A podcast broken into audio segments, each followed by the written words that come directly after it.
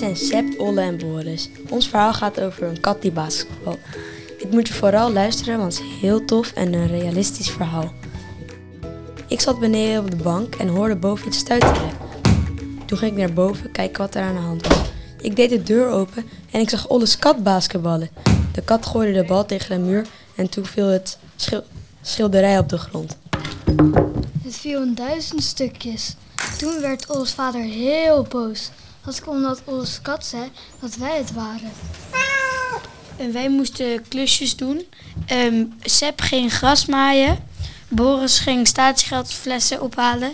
En Olle ging afwassen, zodat we genoeg geld hadden voor een fotolijstje bij de Action. En dat was 3,70 euro.